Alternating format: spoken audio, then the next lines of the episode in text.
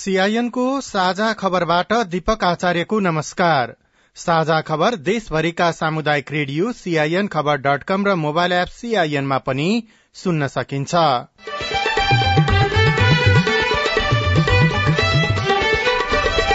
बदरमत घटाउन यसपटकको निर्वाचनमा मतदाता शिक्षामा जोड़ दिने निर्वाचन आयोगको तयारी प्रत्यक्षतर्फको मतपत्र ढुवानीको काम पनि बीस गतेसम्ममा सक्ने? कार्तिकको बीस गतिभित्र टाढाका मतपत्रहरू पुर्याइसक्ने किनकि त्यहाँ पुर्याइसकेपछि निर्वाचन अधिकारी कार्यालयमा पुर्याइसकेपछि त्यहाँ रुजु गर्नुपर्छ। निर्वाचनमा स्वतन्त्र उम्मेद्वारी दिनेको संख्या अघिल्लो निर्वाचनको भन्दा एक तिहाईले वृद्धि। दलहरू युवा वर्गको विश्वास गुमाउँदै राजनीतिमा योगदान गरेकालाई चुन्न पाको पुस्ताको सुझाव। राजनीतिसँग सम्बन्धित उम्मेद्वारहरू हुँदाखेरि राम्रो हुन्छ। राजनीतिमा योगदान दिएका बीचमा चाहिने सन्तुलन हुनु पर्यो आज तिहारको मुख्य दिन भाइटिका सप्तरंगी टीका लगाएर मनाइयो। यस वर्षको तिहारमा ढाकाको व्यापार बढ़्यो। विश्व अर्थ बजारको कारणले बैंकिङ प्रणालीमा कर्जाको अभाव।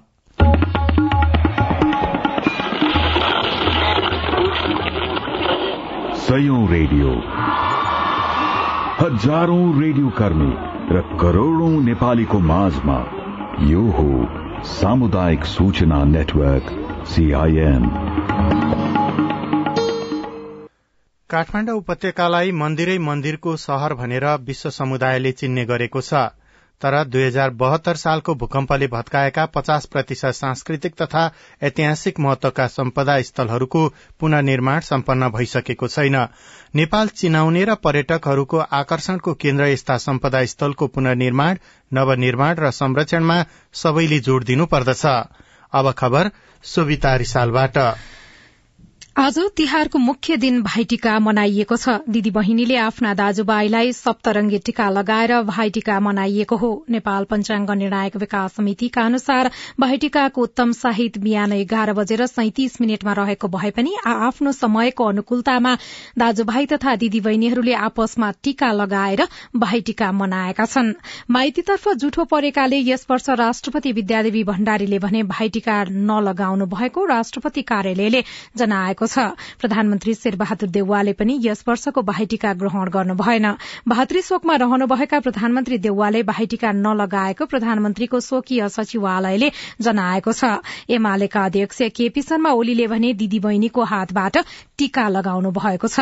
नेपाल समाजवादी पार्टीका अध्यक्ष डाक्टर बाबुराम भट्टराईले पनि भाइटिका ग्रहण गर्नु भएको छ। आज भाइटिका देशभरि नै उल्लासमय तरिकाले मनाइएको छ। काठमाण्डुको रानी पोखरीको बीचमा रहेको बाल गोपालेश्वर मन्दिरमा भने दाजुभाइ तथा दिदी बहिनीहरू नहुनेहरू पुगेर भाइटिका लगाउने तथा पूजा गर्ने गरेका छन्। दिदी बहिनी एवं दाजुभाइ नहुनेहरूले मन्दिरमा गई पूजा तथा दर्शन गरी टीका लगाउने चलन रहेको छ। यो मन्दिर हरेक वर्ष भाइटिकाको दिनमा मात्रै खुल्ने गरेको छ। चाडबाड सकिएपछि अब निर्वाचन सामग्रीको ढुवानीको कामलाई तीव्रता दिने निर्वाचन आयोगले जनाएको छ। समानुपातिक तर्फको मतपत्र अब नौवटा जिल्लामा मात्रै ढुवानी गर्न बाँकी छ।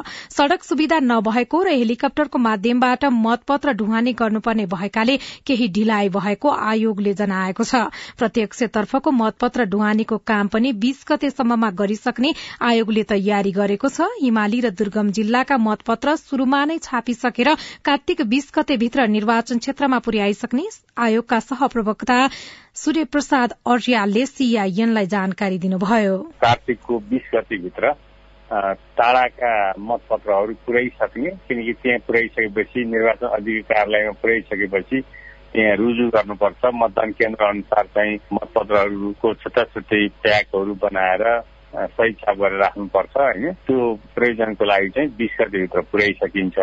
र नजिकको जस्तै काठमाडौँ उपत्यका वरपरका जिल्लाहरूमा भने त्यसको केही एक दुई दिन पछाडि अथवा तेइस चौबिस गतिसम्म चाहिँ छपाएर पठाउँदाखेरि पनि त्यो व्यवस्थापन गर्न सकिने भएको हुनाले त्यही अनुसार चाहिँ हाम्रो छपाई कार्य अगाडि बढेको छ। आयोगले यसपटक मतदाता शिक्षाको कार्यक्रमलाई पनि थप जोड़ दिने जनाएको छ। स्थानीय तह निर्वाचनको समयमा मतदाता शिक्षामा कमी भएकाले बदर मत बढ़ेको गुनासो आएपछि अहिले मतदाता शिक्षा कार्यक्रमको तरिकालाई केही सुधार गरिएको सहायक प्रवक्ता रियालले बताउनुभयो। स्थानीय तहमा चाहिँ एउटा ठुलो कागजमा चाहिँ छवटा मतपत्र सातजना प्रतिनिधि चयन गर्नु पर्थ्यो त्यसमा पनि दुई अध्ययनभन्दा बढी दलहरूले तालमेल गर्दाखेरिमा अलिकति जिग्ज्याग तरिकाले मतदान गर्नुपर्ने। र मतदाताहरू समक्ष राजनीतिक दलले पनि मत माग्नु भयो तर मत हाल्ने तरिका त्यति सिकाउनु भ्याउनु भएको थिएन। अहिले चाहिँ मतपत्र चारवटा छन् छुट्टा छुट्टै दिइन्छ छुट्टा छुट्टै मतपत्रमा एक एक छाप लगाउनुपर्छ। र एफपिटिपी तर्फको मतपत्र अथवा उम्मेद्वारको मतपत्र सानो छ र एक मतपत्रमा एक छाप लगाउँदाखेरिमा गणना पनि सहिलो र मतदातालाई बुझ्न पनि सहिलो भएको हुनाले अलिकति बदर मत चाहिँ नहुने नै अपेक्षा लिएका छौँ। साथै आयोगले राजनैतिक दल तथा उम्मेद्वारलाई पनि मतदाता शिक्षामा जोड़ दिन अनुरोध गरेको छ। मत माग्ने मात्रै नभई मत हाल्ने तरिका पनि सिकाउन आयोगले उम्मेद्वारहरूलाई अनुरोध गरेको हो। तिहार सकिएसँगै चाडबाड़को माहौल बिस्तारै कम भएको छ। तराई क्षेत्रमा मनाइने छठ पर्व पछि तत्काललाई चाडबाड़ सकिनेछ र चुनावको धपेडी बढ़नेछ। चाडबाड़कै बेला भए पनि घर दैलो ओडा भेला कार्यकर्ता भेला जस्ता नाममा प्रचार प्रसार भइरहेको थियो भने सामाजिक सञ्जाल मार्फत पनि उम्मेद्वारहरूले प्रचार प्रसार शुरू गरिसकेका थिए। उम्मेद्वार र दलले चुनावी आमसभा अबको एक हप्तापछि अर्थात कार्तिक अठार गतेबाट मात्रै गर्न पाउने भए पनि उम्मेद्वारहरूको अर्जुन दृष्टि अब पूर्ण चुनावमा केन्द्रित हुनेछ। यसपटक दलहरू चुनाव जित्नका लागि गठबन्धनको सहारा लिइरहेका छन्। सत्ता र विपक्षी गठबन्धन दुवैतर्फका उम्मेद्वार बहुमत ल्याउने दावी सहित चुनावी मैदानमा छन्। तर गठबन्धनका कारण उम्मेद्वारी भाग नपुगेर निर्वाचन क्षेत्रमा देखिएको असन्तुष्टिका कारण एक दलका प्रतिबद्ध कार्यकर्ताको मत अर्को दलका उम्मेद्वारलाई जाँदैन कि भन्ने संशय दलभित्रै देखिन्छ। गठबन्धन भित्रको यस्तो असन्तुष्टि र असहयोगको अवस्थालाई आफ्नो पक्षमा पार्न अर्को पक्ष जोड़तोड़का साथ लागिरहेको छ। यसपटकको चुनावमा पनि ठूला दलका शीर्ष नेताहरू तुलनात्मक रूपमा सजिलो अवस्थामा रहेको आकलन गरिएको छ। केही उम्मेद्वार पहिलो पटक विजयी हुने सपना देखिरहेका छन् भने केही जितको संख्या थप्न चाहिरहेका छन्। दुवै पक्षका गठबन्धनका बागी उम्मेद्वार ठाउँ ठाउँमा कायमै छन् भने स्वतन्त्र उम्मेद्वारहरू स्थापित दल र नेताका लागि टाउको दुखाई बनेका छन्। भलै उम्मेद्वारी मनोनयन ताका सुनिएका सन्तुष्टिका स्वरहरू बिस्तारै मत्थर हुँदै गएको देखिन्छ। तैपनि उम्मेद्वारीप्रति असन्तुष्ट रहेका केही नेता अझै पनि अर्को दल प्रवेश र आधिकारिक भनिएका उम्मेद्वारलाई सहयोग नगर्ने गरी तयारीमा छन्। निर्वाचन आयोगका अनुसार प्रत्यक्षतर्फ झण्डै चौबिस सय उम्मेद्वार चुनावी प्रतिस्पर्धामा छन्। उनीहरूले निर्वाचन क्षेत्र र मतदाताको संख्या हेरिकन पच्चीसदेखि तेत्तीस लाख रूपियाँसम्म खर्च गर्न पाउने भएका छन् भने उम्मेद्वारले बढ़ीमा तीनवटा मात्र सम्पर्क कार्यालय खोल्न पाउने निर्वाचन आयोगले जनाएको छ। यसपटक निर्वाचन आयोगले अलि बढ़ी नै कड़ी कड़ाउ गरेको भन्दै कतिपय दलका नेताले भने असन्तुष्टि जनाइरहेका छन्। ठूला दलहरूले चुनावमा आफ्ना मुद्दा र प्राथमिकता समेटिएको घोषणा पत्र अझै सार्वजनिक गरेका छैनन्। उसो त घोषणा पत्रमा उल्लेख हुने कुरा केवल चुनावी नारा र भन्ने कुरा मात्र भएको भन्दै चर्को आलोचना र असन्तुष्टि व्यक्त हुँदै आएको छ। मतदाता नेताहरूप्रति निराश रहेकाले दल र उम्मेद्वारहरूलाई मतदाताको यो आक्रोश र निराशाका बीच विश्वास सिर्जना गर्नुपर्ने अवस्था उत्पन्न भएको छ। मतदाता सामु भने आउँदो पाँच वर्षका लागि आफ्नो र देशको भविष्य निर्धारण हुने निर्वाचनमा निकै सोझबोझपूर्ण निर्णय गर्नुपर्ने गुरूत्तर जिम्मेवारी आइपुगेको छ। प्रतिनिधि सभा र प्रदेशसभा निर्वाचनमा स्वतन्त्र उम्मेद्वारी दिनेको संख्या अघिल्लो निर्वाचनको भन्दा एक तिहाईले बढ़ेको छ। दुई हजार चौहत्तरको संसदीय निर्वाचनमा एक हजार तीन सय सत्र जना स्वतन्त्र उम्मेद्वार रहेकोमा यसपटक एक हजार नौ सय सन्ताउन्न जना स्वतन्त्र उम्मेद्वार द्वार रहेको निर्वाचन आयोगले जनाएको छ। आयोगका अनुसार प्रतिनिधि सभामा आठ सय सडसठी र प्रदेश सभामा एक हजार नब्बे जना स्वतन्त्र उम्मेद्वार छन्। गत वैशाखमा सम्पन्न स्थानीय तह निर्वाचनमा ओडा सदस्यदेखि पालिका प्रमुखसम्म तीन सय चौरासी जना स्वतन्त्र उम्मेद्वार विजयी भएका थिए। यसरी स्वतन्त्र उम्मेद्वारी दिनेमा युवाहरू धेरै रहेका छन्। अघिल्ला निर्वाचनहरूको तुलनामा स्वतन्त्र उम्मेद्वार मात्रै होइन युवा उम्मेद्वारको संख्या पनि बढ़ेको छ। राजनीतिमा युवाहरूको चासो छैन भन्ने मान्यता रहिरहेको भएको समयमा यसरी युवाहरूको उम्मेद्वारी र चासो बढ़नु सकारात्मक भएको विज्ञहरू बताउँछन्। सीआईएनसँग कुराकानी गर्दै समाजशास्त्री डाक्टर भरत बडालले युवाहरूको संख्या बढ़दै जानु सकारात्मक भएको बताउनुभयो। अहिले चाहिँ यो युवाहरूको चाहिँ राजनीतिमा एकदमै राम्रो इन्ट्रेस्ट बढ़िरहेको छ। यो एकदमै सकारात्मक विषयवस्तु हो। र हाम्रा सिनियर नेताहरूले चाहिँ गरेको अकर्मण्यता दुई अर्थी कुराहरू र एकदमै अपारदर्शी शासन प्रणालीबाट दिक्क भएर चाहिँ विभिन्न पेसामा लागेका युवाहरू चाहिँ राजनीतिमा आउन बाध्य हुनुभएको हो र यो एउटा प्याराडाइम सिफ्ट पनि हो। यो एकदमै सकारात्मक रूपमा यसलाई हेर्नुपर्छ। अब सिद्धान्तको कुरा गर्ने समय पनि छैन किनभने यो विनिर्माणवादको युग हो। यो चाहिँ उत्तर आधुनिक जमाना हो। त्यसैले युवाहरू यसरी अगाडि बढिरहेका छन् र यो एकदमै खुसीको कुरा हो। अब भोट हाल्दाखेरि पनि सिद्धान्तलाई होइन समष्टिलाई हेरेर भोट हाल्नु पर्दछ स्वतन्त्रतर्फ महिलाको संख्या भने न्यून छ। यसपटक प्रतिनिधि सभातर्फ उम्मेद्वारी दिएका आठ सय सडसठी मध्ये सतहत्तर जना महिला रहेका छन्। प्रदेश सभाका एक हजार नब्बे स्वतन्त्र उम्मेद्वार मध्ये महिला अन्ठानब्बे जना मात्रै रहेका छन्। दुई हजार चौहत्तरको निर्वाचनमा प्रतिनिधि सभातर्फ पाँच सय दुईजना स्वतन्त्र उम्मेद्वार मध्ये चालिस र प्रदेश सभातर्फ आठ सय पन्ध्र स्वतन्त्र उम्मेद्वार मध्ये पचास जना महिला रहेका थिए। साझा खबरमा अब विदेशको खबर। इजरायल र लेबनानले अमेरिकाको मध्यस्थतामा समुद्री सीमा सम्झौतामा हस्ताक्षर गरेका छन्। यसबाट दुवै देशहरूलाई फाइदा पुग्ने सम्भावना देखिएको छ। लेबनानका राष्ट्रपति मिसेल आउले आज बिहान राष्ट्रपति भवनमा एउटा पत्रमा हस्ताक्षर गर्नुभएको छ जुन लेबनानको दक्षिणी सीमावर्ती नारो नाकोरामा अमेरिकी अधिकारीहरूलाई बुझाइने अन्तर्राष्ट्रिय संचार माध्यमहरूले लेखेका छन्। र एउटा खेल खबरमा टी ट्वेन्टी विश्वकप क्रिकेटमा भारत र दक्षिण अफ्रिका विजयी भएका छन्। आज भएको खेलमा लगातार दोस्रो जित हात पार्ने क्रममा भारतले नेदरल्याण्डसलाई छप्पन्न रनले हराएको हो। एक सय अस्सी रनको लक्ष्य पाएको नेदरल्याण्डसले बीस ओभरमा नौ विकेट गुमाएर एक सय तेइस रन मात्रै बनाउन सक्यो। अर्को खेलमा दक्षिण अफ्रिकाले बंगलादेशलाई एक सय चार रनले हरायो। दुई सय छ रनको लक्ष्य पछ्याएको बंगलादेश सोह्र ओभर तीन बलमा एक सय एक रनमा अल आउट भएपछि दक्षिण अफ्रिकाले फराकिलो जीत हात पारेको हो। बंगलादेशका लिटोन दासले सर्वाधिक चौतिस रन बनाउनु भएको थियो। प्रतियोगितामा अहिले पाकिस्तान र जिम्बावे बीचको खेल चलिरहेको छ।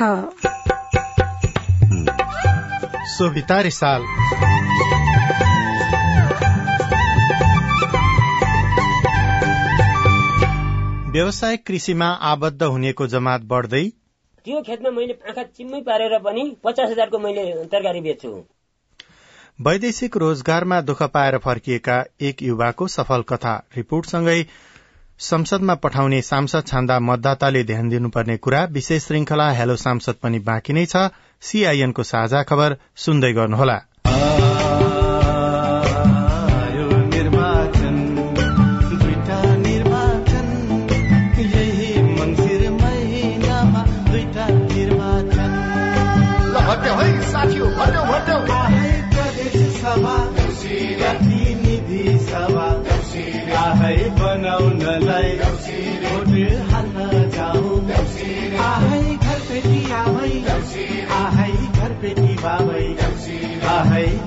महिना आहै चुनावको महिना। प्रदेशमा सरकार बनाउने हे जनताको भलो जिताउने हे राम्रो मान्छे रोजौ आयो निर्वाचन। यही मङ्सिर चार गते हुने। प्रतिनिधि सभा सदस्य र प्रदेश सभा सदस्य निर्वाचनमा सहभागी भई आफ्नो अधिकारको सही प्रयोग गरौं। निर्वाचन आयोग।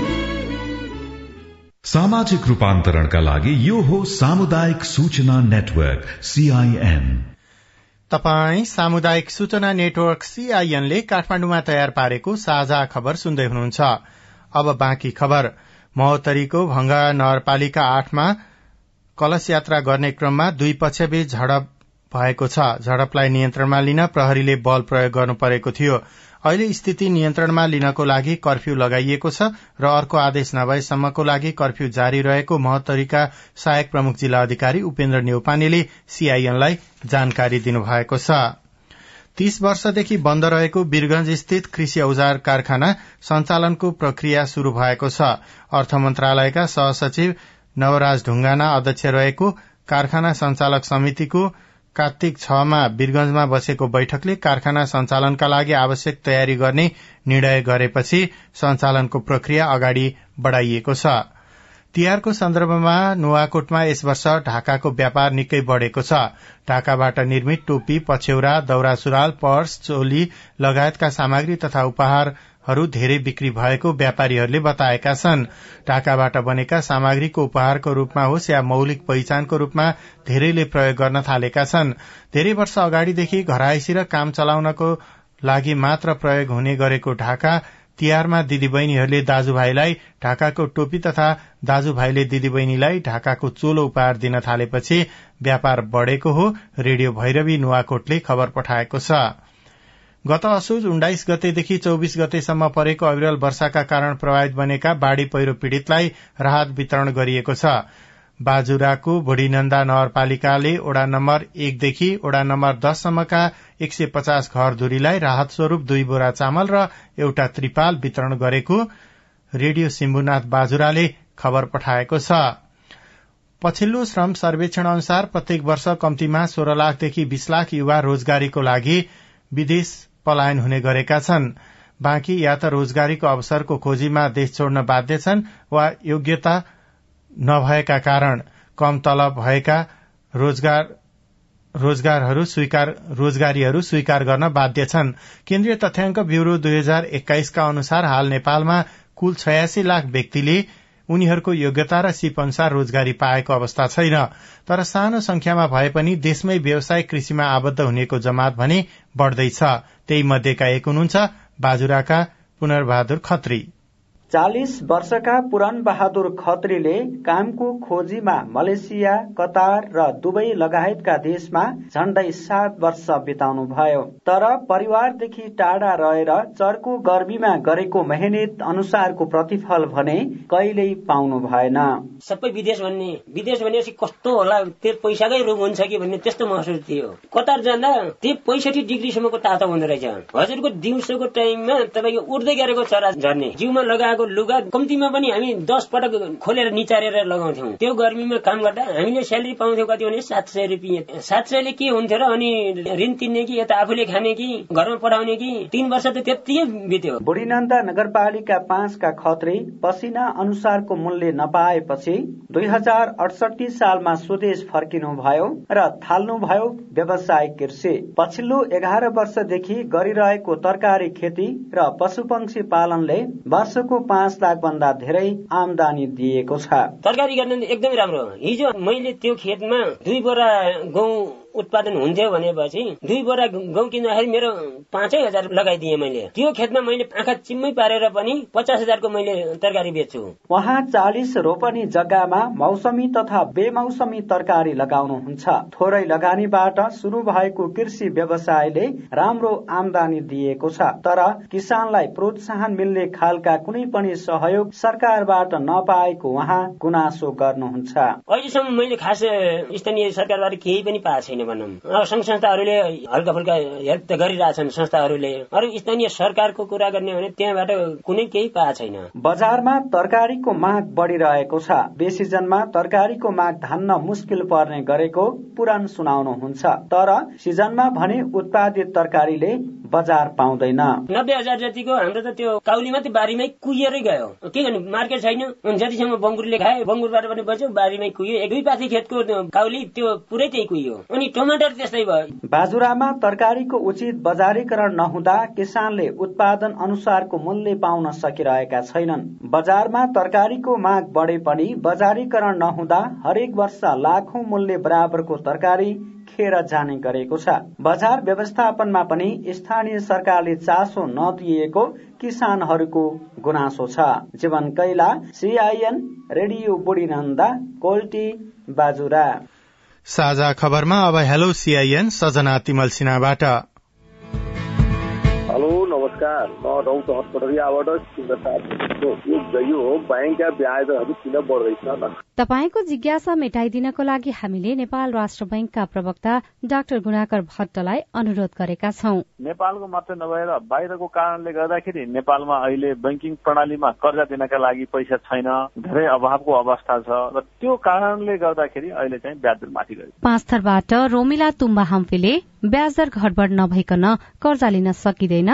भनेर हाम्रो आइभीआरमा प्रश्न रेकर्ड गराउनु भएको छ। यो प्रश्न पनि हामीले डाक्टर भट्टलाई नै सुनाएका छौं। ब्याङ्कमा गएर ऋण लिँदाखेरि होइन मलाई पाँच वर्षका लागि कर्जा दिनुहोस् त मतलब ब्याज दर फिक्स्ड हुनुपर्छ। पाँच वर्षमा कर्जा को ब्याज दर घटबड हुनु हुँदैन। मैले आज जति प्रतिशत ब्याज भनेर यसमा सम्झौता गर्छु त्यति नै ब्याज दर हुनुपर्छ भनेर सम्झौता गर्ने एउटा बाटो पनि छ। अर्को बाटो भनेको के हो भन्दा ठिकै छ ब्याज घट्यो भने मलाई फाइदा हुन्छ। घटेको ब्याज तिरौँला बढ्यो भने मलाई घाटा हुन्छ तैपनि म तिर्छु ब्याज घटबड हुँदा पनि सहन्छु भन्ने अर्को सम्झौता हुन्छ त्यसैले यो दुई प्रकारको चाहिने सम्झौता हुन्छ ब्याज दर गर्दाखेरि। दुईवटा मध्ये एउटा एक प्रकारको चाहिने कुन सम्झौतामा आफू जाने भन्ने। त्यसैले सामान्य मान्छेहरूले जसले बिजनेस गर्नुहुन्छ आफ्नो व्यापार गर्नुहुन्छ चार पाँच वर्षका लागि दुई तिन वर्षका लागि कर्जा लिनुहुन्छ उहाँहरूले चाहिँ तोकिएको निश्चित प्रतिशत ब्याज दर जुन भोलि परिवर्तन हुँदैन। त्यस्तोमा सम्झौता गर्दा सजिलो हुन्छ। हाम्रो त्यो सुझाव पनि छ। नमस्ते म चाहिँ टक्कबहादुर नेपाली घर चाहिँ कालीकोट जिल्ला सान्ने त्रिवेणी गाउँपालिका। हाम्रो सान्ने त्रिवेणी सरकारले बाल विवाह अन्त्यको लागि के रणनीति अपनाएको छ? तपाईँको प्रश्न सुनिसकेपछि सान्ने त्रिवेणी गाउँपालिकाका अध्यक्ष महेश बहादुर केसी भन्नुहुन्छ। बाल विवाह न्यूनीकरणको लागि यसको सबैभन्दा पहिला त चेतना अभिवृद्धि कार्यक्रमहरू हामीले सुरु गरेका छौँ। प्रत्येक समुदायहरूमा वडाहरूमा। सबैभन्दा पहिला बाल विवाह गरेपछि के हुन्छ भन्ने सन्दर्भमा कुराहरू आम समुदायहरूलाई चाहिँ बुझाउनको निम्ति विषय गरिकन विद्यालयहरू मार्फत चेतना गरिसकेपछि अब न्यूनीकरण त्यसपछि मात्रै गर्न सकिन्छ भन्ने उद्देश्यले हामीहरूले प्रत्येक विद्यालय मार्फत वडाहरू मार्फत यस्ता कार्यक्रमहरू हामी चाहिँ सञ्चालन गर्न गइरहेका छौँ तरै पनि त्यही पनि छुटफुट चाहिँ मतलब प्रक्रियाहरू अगाडि बढेका छन्। यसलाई फेरि पनि हामी निरन्तरता दिने क्रममै छौँ। तपाई जुनसुकै बेला हाम्रो टेलिफोन नम्बर शून्य एक बान्न साठी छ चार छमा फोन गरेर आफ्नो प्रश्न जिज्ञासा गुनासा अनि समस्या रेकर्ड गर्न सक्नुहुनेछ। तपाई सामुदायिक सूचना नेटवर्क सीआईएनले काठमाडौँमा तयार पारेको साझा खबर सुन्दै हुनुहुन्छ। साझा खबर मोबाइल एप नेपाली पात्रोबाट पनि सुनिरहनु भएको छ। संसदमा पठाउने सांसद छान्दा मतदाताले ध्यान दिनुपर्ने कुरा? त्यसको प्रभाव हामीमाथि नै हाम्रो भविष्यमाथि नै पर्न जान्छ। आफूले स्वस्थ चिताएको राम्रो चिताएको ठिक चिताएको चुन्नु पर्यो। विशेष श्रृंखला हेलो सांसद बाँकी नै छ। सीआईएनको साझा खबर सुन्दै गर्नुहोला। नेपाल युरोपियन युनियन चलचित्र महोत्सवको एघारौं संस्करण। यही कार्तिक एघार गतेदेखि बाइस गतेसम्म हुन गइरहेको छ। महोत्सवमा तेह्रवटा उत्कृष्ट युरोपेली चलचित्रहरू र तीनवटा नेपाली चलचित्र प्रदर्शित हुँदैछन्। यी चलचित्रहरू काठमाडौँको चाबहिल स्थित चलचित्र विकास बोर्डको हलमा निशुल्क रूपमा प्रदर्शित गरिनेछ। महोत्सव सुर्खेतमा कार्तिक उन्नाइस गतेदेखि बाइस गतेसम्म आयोजना हुनेछ। महोत्सवमा पाँच उत्कृष्ट युरोपेली र तीन नेपाली चलचित्रहरू प्रदर्शित गरिनेछ। छन्। महोत्सव सुर्खेतको मध्यपश्चिम विश्वविद्यालयको हलमा निशुल्क रूपमा प्रदर्शित गरिनेछ। चलचित्र महोत्सव भरि नै भर्चुअल प्लेटफर्म फेस्टिभल स्कोपमा पनि चलचित्रहरू निशुल्क रूपमा हेर्न सक्नुहुनेछ। साथै महोत्सव अन्तर्गत चलचित्र सम्बन्धी विभिन्न रोचक अन्तर्क्रियात्मक कार्यक्रमहरू पनि भर्चुअल माध्यम मार्फत आयोजना गरिनेछन्। तपाईँहरू सम्पूर्ण यस चलचित्र महोत्सवमा सहभागी भएर यसलाई सफल पारिदिनु हुन हार्दिक अनुरोध गर्दछौ। थप जानकारीका लागि नेपाल स्थित युरोपियन युनियनको डेलिगेशनको वेबसाइट तथा यसको Facebook page W W W dot Facebook dot com slash EU in नेपालमा हेर्नुहोला। आयोजक नेपाल स्थित युरोपियन युनियनको डेलिगेशन नेपाल टेलिकमको सूचनाको संसार होइन के सुनेको यस्तो ध्यान दिएर दोहोरो बोलेको जस्तो नै देख्दिन। तीन दुई एक शून्य शून्य क्या? तीन दुई एक शून्य शून्य? के हो त्यो भने? बुझिन त। ल सुन एनटिसी प्रयोगकर्ताहरूले आफ्नो मोबाइल तथा ल्यान्डलाइनमा तीन दुई एक शून्य शून्य डायल गरी समाचार रेडियो कार्यक्रम खेल र अन्य विषय बारे सन्देशहरू जुनसुकै बेला निशुल्क सुन्न सक्छन्। ओहो निशुल्क? कस्तो सजिलो। समाचार सुन्न छुट्यो भनेर पिर लागेको थियो। अब त म पनि सुनिहाल्छु। कति रे? तीन दुई एक शून्य शून्य। सामाजिक रूपान्तरणका लागि यो हो सामुदायिक सूचना नेटवर्क सीआईएन तपाई सामुदायिक सूचना नेटवर्क सीआईएनले काठमाडौँमा तयार पारेको साझा खबर सुन्दै हुनुहुन्छ। अब प्रस्तुत छ संवाद श्रृंखला हेलो सांसद। नमस्कार मेलो सांसदमा तपाईँलाई हार्दिक स्वागत छ। म लील प्रकाश चन्द। आगामी निर्वाचनबाट सांसद कसरी छान्नुपर्छ? आज त्यसबारेमा हामी छलफल गर्दैछौ। छलफलका लागि हामीसँग संविधानविद विश्लेषक निलाम्बर आचार्य हुनुहुन्छ। यहाँलाई हार्दिक स्वागत छ। धन्यवाद छ नमस्कार। आगामी दिनको लागि चाहिँ ध्यान दिनुपर्ने कुरा त सुरुमा चुनावकै लागि होला मतदाताकै पक्षमा होला त्यसपछि फेरि कस्तो राम्रो बनाउने भन्ने कुरा होला कि के लाग्छ यहाँलाई? हामीले जे चुन्छौँ त्यसको परिणाम आफैले भोग्नु पर्ने हुन्छ त्यसको परिणाम पाउँछौ। त्यसैले चुन्दा फेरि राम्रो चुन्नुपर्छ। हामी खाना खान्छौँ स्वस्थ खाना खायौँ भनेपछि मात्रै स्वास्थ्य राम्रो हुन्छ अस्वस्थ खाना चुन्यौँ भनेपछि त हाम्रो स्वास्थ्य बिग्रिन्छ नि। त्यस्तै मतदानमा पनि अस्वस्थ किसिमको हाम्रो चुनाव भयो हामीले चुन्यौँ भन्ने भन्दाखेरि हाम्रो देशको र त्यसको प्रभाव हामी माथि नै हाम्रो भविष्यमाथि नै पर्न जान्छ। आफूले स्वस्थ चिताएको राम्रो चिताएको ठिक चिताएको चुन्नु पर्यो। कानून बनाउने थलोको रूपमा म जाँदैछु र मलाई मत दिनुपर्छ भन्दा पनि विकास निर्माणकै त्यो बहानामा अथवा आश्वासनमा मत पाउने त्यो मनस्थिति फेरि नै गइराखेको छ कि उम्मेद्वारहरूमा अथवा उनीहरू नागरिकलाई अथवा मतदातालाई झुक्क्याएरै मत लिएर निर्वाचित हुने धुनमा देख्नुहुन्छ तपाईँ अहिले? कुन कस्तो छ भन्ने थाहा पाउनु पर्यो। हिजोदेखिका उसका चाहिने क्रियाकलाप व्यवहार त चाहिने जनताले हेरेका हुन्छन्। ती व्यवहारलाई त्यही पार्टीले आफूले कसरी मूल्याङ्कन गर्यो र अगाडि कसो गर्छ भनेर पनि हेर्न पाउनु पर्यो। पार्टीले पनि आफूलाई कति सच्याएको छ अगाडि के कार्यक्रम ल्याएको छ देखिनु पर्यो र उसले कस्ता कस्ता उम्मेद्वार ल्याएको अपराधिक पृष्ठभूमिका उम्मेद्वारहरूको खास ल्याएर काम छैन नि त। एमालेको नेतृत्वमा रहेको गठबन्धनमा आगामी प्रधानमन्त्री को बन्ने भनेर पहिल्यै घोषणा भइसक्यो होइन? अर्को गठबन्धन जो सरकारमा रहेका राजनैतिक दलहरूको छ भावी संवैधानिक पदहरूमा अहिले नै निश्चित भएर चुनावमा लड्नु र कुनै पनि कुरा नखुलाएर लड्नुले के असर राख्छ? सरकार कस्तो बन्छ भन्ने त मोटामोटी चाहिने मतदाताहरूले आफूले भोट दिँदाखेरि मैले यसो गरेँ भने यस्तो सरकार बन्छ।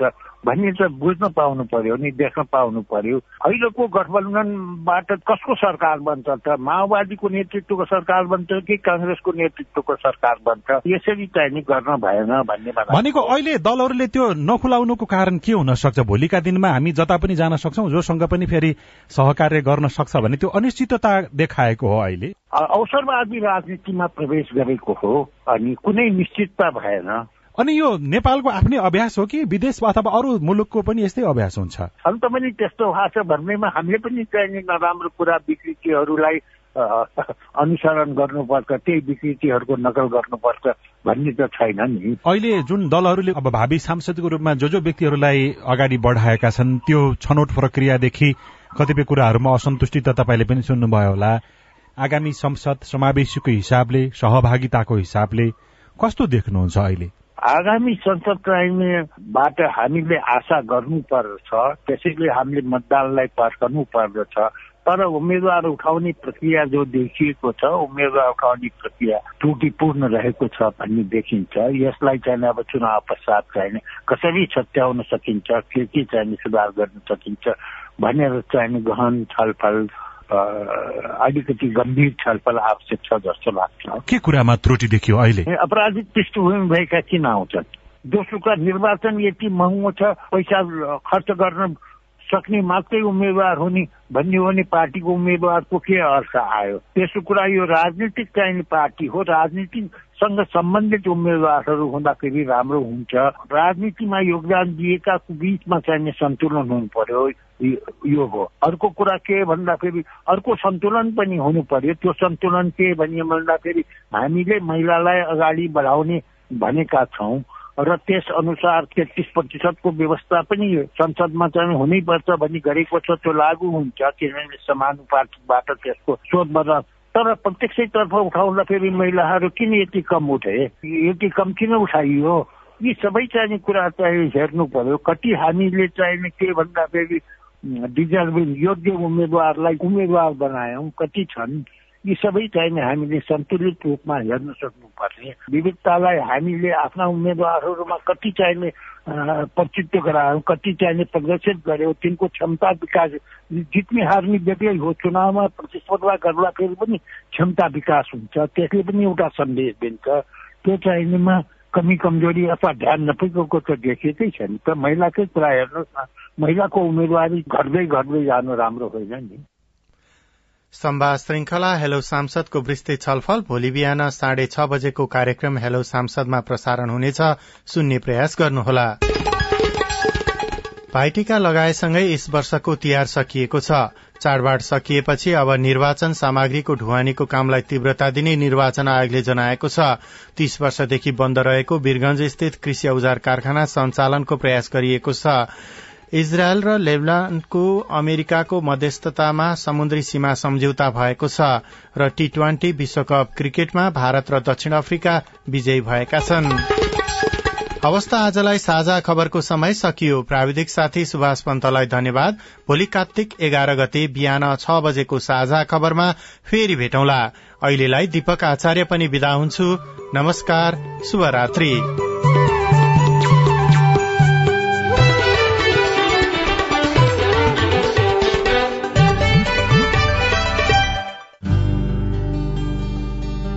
शान्ति हाम्रो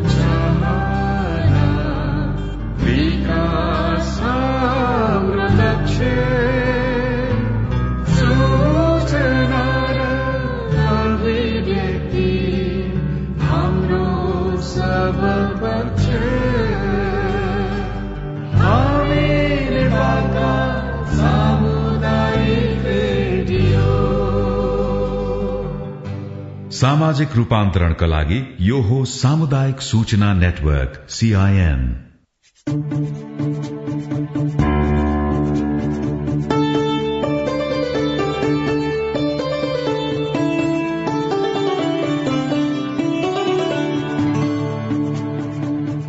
नमस्कार। कार्यक्रम साझा आवाजमा तपाईँलाई स्वागत छ। म सजना तिमल सिन्हा। यो कार्यक्रम सामुदायिक रेडियो प्रसारक संघ अखराबद्वारा संचालित सामुदायिक सूचना नेटवर्क सीआईएन मार्फत देशभरि प्रसारणमा रहेका करिब तीन सय सामुदायिक रेडियोबाट सुन्न सकिन्छ। साथै Facebook page at the rate CIN खबरमा गएर पनि चाहेको बेला तथा मोबाइल एप सीआईएन डाउनलोड गरेर सुन्न सकिन्छ। कार्यक्रममा हामी महिला बाल बालिका तथा सीमान्तकृत समुदायको आवाज उठाउनेछौ। यो सँगै अरू विविध विषयमा पनि छलफल गर्नेछौ। आजको कार्यक्रममा हामी महिला ओडा अध्यक्ष अनि दलित महिला ओडा सदस्यका कुरा सुन्छौं। गत वैशाखमा भएको स्थानीय तहको निर्वाचनमा एकचालिस दशमलव दुई प्रतिशत महिला निर्वाचित भएपछि महिलाको प्रतिनिधित्व न्यून रूपमा बढ़ेको छ। स्थानीय निर्वाचन दुई हजार चौरात्तरको तुलनामा दुई हजार उनासी वैशाख तीसमा सम्पन्न निर्वाचनबाट चुनिएका महिला एक प्रतिशत बढ़ी छन्। सत्ता साझेदार पाँच दलीय गठबन्धनका कारण महिलाको प्रतिनिधित्व घट्ने अनुमान गरिए पनि न्यून रूपमा बढ़ी नै निर्वाचित भए। बाध्यात्मक बाहेक प्रमुख पदमा महिला जनप्रतिनिधिको संख्या केही बढ़ेको हो। यसपटक देशभरबाट चौध हजार चार सय दुई जना महिला प्रतिनिधि निर्वाचित भएका छन्। गाउँपालिका नगरपालिका उपमहानगरपालिका र महानगरपालिकामा गरी प्रमुख पदमा पच्चीस महिला विजयी भए। दुई हजार चौरात्तर सालमा प्रमुख पदमा अठार जना महिला निर्वाचित भएका थिए। जनप्रतिनिधिमा महिलाको संख्या न्यून रूपमा बढ़ी देखिए पनि बाध्यात्मक पद बाहेकका पदमा पनि महिला उल्लेखनीय रूपमा बढ़न सकेको देखिन्न। यसपटक देशभरबाट महिला उम्मेद्वार पचपन्न हजार छ सय उनासय जना थिए। प्रमुख र उपप्रमुख गरी पाँच सय चौसठी महिला निर्वाचित भएका छन्। देशभरका उनासत्तरीवटा ओडाको नेतृत्व महिलाले पाएका छन्। छ हजार सात सय त्रिपन्न ओडामा छ हजार पाँच सय अडसठी दलित महिला ओडा सदस्यहरू निर्वाचित भएर काम गरिरहेका छन्। त्यसमध्ये मध्य प्रदेशमा एक हजार दुई सय एकहत्तर दलित महिला ओडा सदस्यहरू छन्। स्थानीय सरकार संचालन ऐनले तोकेको अधिकार क्षेत्रभित्र रहेर मधेसका दलित महिला ओडा सदस्यहरू आफ्नो ओडा र समुदायको विकासका लागि सकेसम्म राम्रो काम गर्ने कोशिशमा छन्। उनीहरूको काम कस्तो छ? सुनौ यो रिपोर्टमा। छठ घाट धैली तो ओहू में हमार योजना धैली छठ घाट बन गेल। ढलान में धैली तो हमर ढलान हमर हो गेल। सरस्वती राम बारा सिमरोणगढ़ नगरपालिका सातको वडा सदस्यमा दोस्रो पटक निर्वाचित हुनु भएको छ। दलित विरूद्ध हुने विभेद अन्त्य गर्ने उद्देश्यका साथ उहाँ यति बेला समुदायमा सचेतना जगाउने काममा पनि सक्रिय हुनुहुन्छ। गाँव में मंदिर ना छुए देवले। से हम अपने ना? अपने लोग छुअम त हम न। कले से हम छुआ दे सकम। दलित के लड़का पढ़ले मोटा मोटी पढ़ाई ओखले अपने चुनाव जीत के आयल बाई त जानकारी बा त बढ़िया से पढ़ाई। धनुषाको जनकपुर उपमहानगरपालिका वडा नम्बर एघारका वडा सदस्य मनिषा दास पनि दलित समुदायको उत्थानका लागि वडा तहबाटै काम गरिरहनु भएको छ। दुलेबरी महिला सब है तेकरा सबके सहयोग होय चाही। डॉक्टर ऑपरेशन लिख दे हमर महिला दीदी सब कमजोर है तो उ सब बेडे पे मर जाय छै। तै के ल क गा पहिलका के भीतर में स्वास्थ्य भ जेते तो बढ़िया महोत्तरीको पिपरा गाउँपालिका वडा नम्बर छका फूलतोर पासवान र सर्लाहीको बलरा नगरपालिका वडा नम्बर आठमा निर्वाचित बाल केसी देवी पासवान आफ्नो अधिकार प्राप्तिका लागि लड्नुपर्छ भन्ने धारणाका साथ राजनीतिमा आउनु भएको छ। उहाँहरू वडा समितिको बैठकमा आफ्नो समुदायको विकासका लागि योजना माग्नेदेखि आफ्नो अधिकारका लागि पनि आवाज उठाउन थाल्नु भएको छ। जखनी विकास है तो चाहे हम कथी करब महिला बुआ सबके माने पढ़ाई लिखाई के कहलिए स्कूल में गेली मैडम सबके कहली सर के कहलिए ध्यान करके पढ़ाऊ ये सब कह पड़ अपना समुदाय में जो शिक्षा न है तो अब एलंग से हमनी के जे होता आगे मुहे करे के से अपने समुदाय में न करे के आगे मुहे बढ़ावे सबके सबके शिक्षा देवे स्थानीय सरकार संचालन ऐन अनुसार वडा सदस्यको अधिकार टोल भित्रको योजना माग तथा संकलन गर्ने वडा समिति बैठकमा आफ्नो एजेण्डा प्रस्तुत गर्ने टोलको विकासका लागि वडामा सञ्चालन हुने योजनाको उपभोक्ता समिति मार्फत अनुगमन गर्ने टोलको योजनाको छनौट र प्राथमिकीकरण निर्धारण गर्ने लगायत छन्। मध्य प्रदेशमा निर्वाचित भएका एक हजार दुई सय एकहत्तर जना दलित महिला वडा सदस्यहरू आफ्नो अधिकार प्रयोग गर्दै समुदायको विकासको सहयात्री बनिरहेका छन्। जनप्रतिनिधिको भूमिकामा दलित महिला सदस्यले निभाइरहेको यो भूमिका मधेसका अन्य महिलाको लागि पनि प्रेरणा बनेको छ। एकजना दलित अधिकार कर्मी राजु पासवान। मधेसमा महिलाहरू घोङ्गट प्रथामा छ अहिले पनि। तर यसले के अवसर दियो भने त्यो घोङ्गट प्रथालाई पनि अन्त्य गरिरहेको छ। उहाँहरू राजनीतिकमा आउन चाहिँ सुरु गरेको छ जनप्रतिनिधि हुन पाएको छ ठाउँ ठाउँमा गएर बोल्न पाएका छन् कानुनीता कुराहरू बुझ्न पाएका छन् आफ्ना अधिकारका बारेमा जान्न पाएका छन् उनीहरूमा उत्प्रेरणा दिएको छ। मध्य प्रदेशमा महिलालाई घरबाट बाहिर निस्कन र काम गर्न अझै पनि सहज छैन। उच्च शिक्षा जनचेतनाको अभाव सेवा र सुविधामा सहज पहुँच नहुँदा पनि दलित समुदाय पछि परेका छन्। तर स्थानीय सरकारमा दलित महिलाको सहभागिताले पछाडि परेका समुदायको विकासमा थोरै भए पनि सहयोग पुगेको छ। स्नेहा कर्ण सीआईएन काठमाडौँ। नेपालको संविधान दुई हजार बहत्तर लागू भएसँगै कार्यान्वयनमा आएको संघीयता बमोजिम मुलुकमा दोस्रो स्थानीय तहको कार्यकाल शुरू भएको पाँच महिना भइसकेको छ। संविधानले नै राज्यका सबै निकायमा महिलालाई समानुपातिक समावेशी सिद्धान्तको आधारमा सहभागी हुने हकको व्यवस्था गरेको छ। राज्यका सबै संरचनामा एक तिहाई महिलाको अनिवार्य उपस्थिति हुनुपर्ने प्रावधान संविधानमा छ। सोही प्रावधान अनुसार राष्ट्रपति र उपराष्ट्र राष्ट्रपति प्रतिनिधि सभाको सभामुख र उपसभामुख जिल्ला समन्वय समितिको प्रमुख वा उपप्रमुख स्थानीय तहको प्रमुख वा उपप्रमुखमा महिला अनिवार्य हुनुपर्ने व्यवस्था छ। तर सो व्यवस्था ओडा अध्यक्ष पदका लागि भने लागू भएको पाइँदैन। त्यसैले पनि कम मात्रै महिला ओडा अध्यक्षमा उम्मेद्वारीसँगै विजयी भएका छन्। विजयी भएका महिलाको नेतृत्व पनि सहज छैन। उम्मेद्वारी दिने समयदेखि कार्यकालमा पनि उनीहरूले विभिन्न समस्या झेल्दै आएका छन्। महिला भएकै कारण पार्टीले टिकट नदिने गरेको र विजयी भइहाले पनि बजेट लगायतका कुरामा उपेक्षा गरिएको गुनासो महिला वडा अध्यक्षहरूको छ। गोरखाको शहीद लखन नगरपालिकाको वडा नम्बर दुईमा सकुन थापा मगर वडा अध्यक्षमा निर्वाचित हुनुभयो। उहाँ वडा अध्यक्ष पदमा निर्वाचित मात्रै नभएर पालिकाकै पहिलो महिला वडा अध्यक्षको इतिहास रच्नुभयो। उम्मेद्वारी दिँदै गर्दा महिलाले जित्न सक्ला र भन्ने प्रश्न आएको भए पनि आफूले लामो समय समुदायमा गरेको योगदान र सेवाले आफू पुरूष उम्मेद्वारलाई पछाडि पारेर जित हासिल गर्न सफल भएको उहाँको दावी छ। ओडा अध्यक्षको पाँच महिना पूरा गर्दा के कस्ता काम भए अनि आगामी दिनमा कस्ता योजना लिएर अघि बढ़दै हुनुहुन्छ भनेर हामीले गोर्खाको शहीद लखन नगरपालिकाको ओडा नम्बर दुईका ओडा अध्यक्ष सकुन थापा मगरसँग कुरा गरेका छौं। मेरो चाहिँ अनुभवहरू कस्तो छ भने अब पाँच महिना भयो पाँच महिनासम्ममा मेरो कार्यकाल योभन्दा पहिला पनि मैले चौहत्तर सालमा वडा सदस्य पद नियुक्ति गरेर मैले कार्यपालिका सदस्य चला हो। अहिले अध्यक्षको हैसियतमा चाहिँ मैले मैले चाहिँ के के अनुभव बटुले भने पहिलो चाहिँ मेरो सैतलहन गाउँपालिका वार्ड नम्बर दुईको पहिलो चुनौती फोहोर मैला व्यवस्थापन थियो। फोहोर मैला व्यवस्थापन सम्बन्धी विभिन्न चुनौतीहरू थियो। यो व्यवस्थापनको लागि चाहिँ मैले वडा नम्बर दुई र तिनको तर्फबाट नै एउटा मनकामना बजारमा फोहोर मैला समितिको उपसमिति गठन गरे। विभिन्न सर्वदलीय बैठक राखेर अनि विभिन्न सर्वदलीय बैठकको समन्वयमा चाहिँ मैले फोहोर मैला व्यवस्थापनको उपसमिति गठन गरेर अहिले फोहोर मैला व्यवस्थापन गर्दैछन्। त्यो भयो अनि अर्को चाहिँ हाम्रो यो ओडामा चाहिँ सबैभन्दा एकदम चुनौतीको विषय यो नै भयो त्यसपछि अब महिलाको अभिमुखीकरण तालिम सम्बन्धी पनि एउटा मैले एउटा कार्यक्रम राखेँ।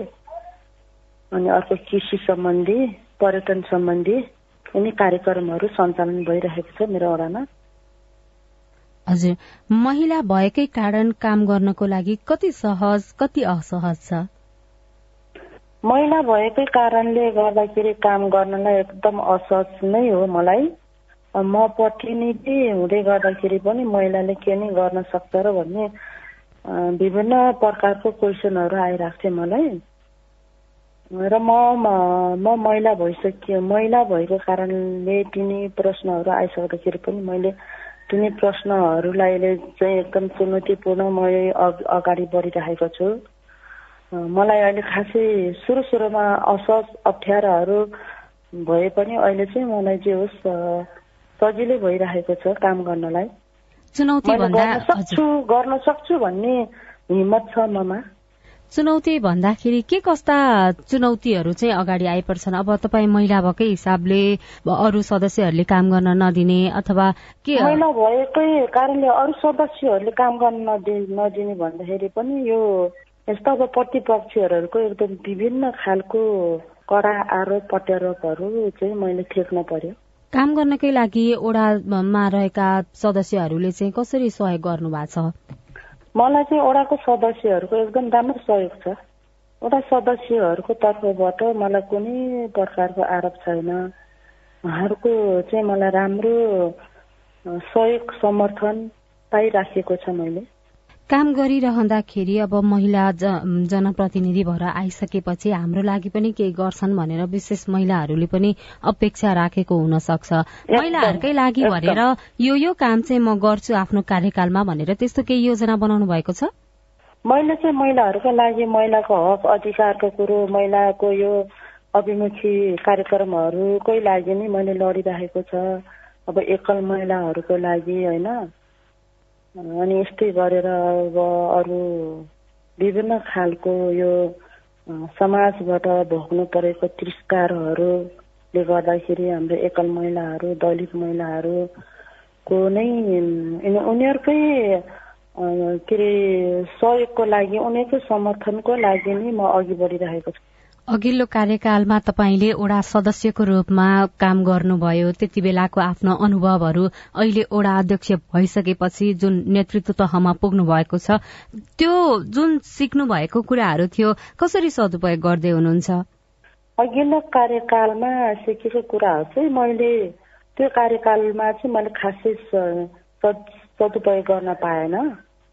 त्यतिखेर खासै अब सदस्यहरूको सहयोग समर्थन नपाएको कारणले गर्दाखेरि त्यतिखेर चाहिँ मैले सदुपयोग गर्न पाएन। अहिले चाहिँ तिनै कुराहरूलाई लिएर त्यतिखेर आफू सदस्य हुँदाखेरिको कुराहरू र त्यतिखेर आफूले भोगेका अनुभवहरूलाई बटुलेर नै अहिले मैले म ओडा अध्यक्ष भइसकेपछि यिनै कुराहरूलाई मैले सदुपयोग गर्दै आइरहेको छन्। मैले चाहिँ म मेरो ओडामा चाहिँ पहिलो प्राथमिकता मैले महिलाहरूको लागि नै गर्छु। कामहरू गरिरहँदाखेरि पाँच महिना समय बिताइसक्दाखेरि कसरी अघि बढ़िरहेको छु भन्ने लाग्छ। के के कुराहरू चाहिँ अझ मैले गर्नै बाँकी छ भन्ने लाग्छ तपाईँलाई? के के कुराहरू भन्दा नि मैले धेरै गर्नुपर्ने। महिला दलित अपाङ्ग होइन विभिन्न वर्गीय सङ्घर्षको लागि नै जुटेको हो हामी महिलाहरू। त्यही कारणले गर्दाखेरि धेरै छन् समस्याहरू छन् चुनौतीहरू धेरै छन्। होइन? अनि अब जनताको महिलाहरूको धेरै छन् नि अशासनहरू ममाथि उठेका क्वेसनहरू। अब हाम भन्दा पनि अब ममाथि उठेका अशासनहरू धेरै छन्। गर्न पनि धेरै छ। यो त बल्ल सुरुवाती मात्रै हो मेरो। यही पाँच महिनामै पनि महिला सहभागिता भनौँ महिला दलित तपाईँले जुन पछाडि पारिएका वर्गहरूको कुरा गर्नुभयो अपाङ्गता भएका व्यक्ति वृद्ध वृद्धाहरूको लागि विशेष गरी यो यो काम चाहिँ अहिले यो पाँच महिनामा गरे। अब चाहिँ अझै गर्छु भन्ने त्यस्तो केही मैले यो पाँच महिनामा चाहिँ विशेष गरेर वृद्धहरूको लागि योभन्दा पहिला चाहिँ पहिलाको कार्यकालमा चाहिँ के थियो भने ब्याङ्किङ सिस्टम अनुसार वृद्धहरूको लागि वृद्ध भत्ता वितरण गर्ने क्रममा ब्याङ्कले चाहिँ अब गाउँ गाउँमा गएर वृद्धहरूको लागि सहयोग गर्न सकेन अनि मैले अहिले म यो ठाउँमा आइसकेपछि आइसकेपछि चाहिँ मैले अर्को ब्याङ्क चु अर्को ब्याङ्कलाई चुज गरेर त्यो ब्याङ्क मार्फ मार्फत एनएनबी ब्याङ्क मार्फत म आफू नै प्रतिनिधि नै स्वयं सम्बन्धित निकायमा गएर टोल टोलमा गएर वृद्धहरूलाई गाउँ गाउँमै गएर हामी राति राति भए पनि हामी आफै खटेर वृद्धहरूको लागि घर दैलोमै गएर वृद्ध भत्ता सामाजिक सुरक्षा भत्ता वितरण गर्यो अस्ति भर्खर मात्रै अनि त्यसपछि अब यो घुम्ती टोली आएको बेलामा चाहिँ हाम्रो अपाङ्गहरूको लागि पहिला अब क वर्ग के अरे क वर्गमा चाहिँ उनले चाहिँ के अरे भत्ता पाउनुपर्ने अपाङ्ग भत्ता पाउने व्यक्तिहरूले नपाइराखेको क वर्गको कार्ड पाउनु पर्ने व्यक्तिहरूले नपाइराखेको उसले चाहिँ ग वर्ग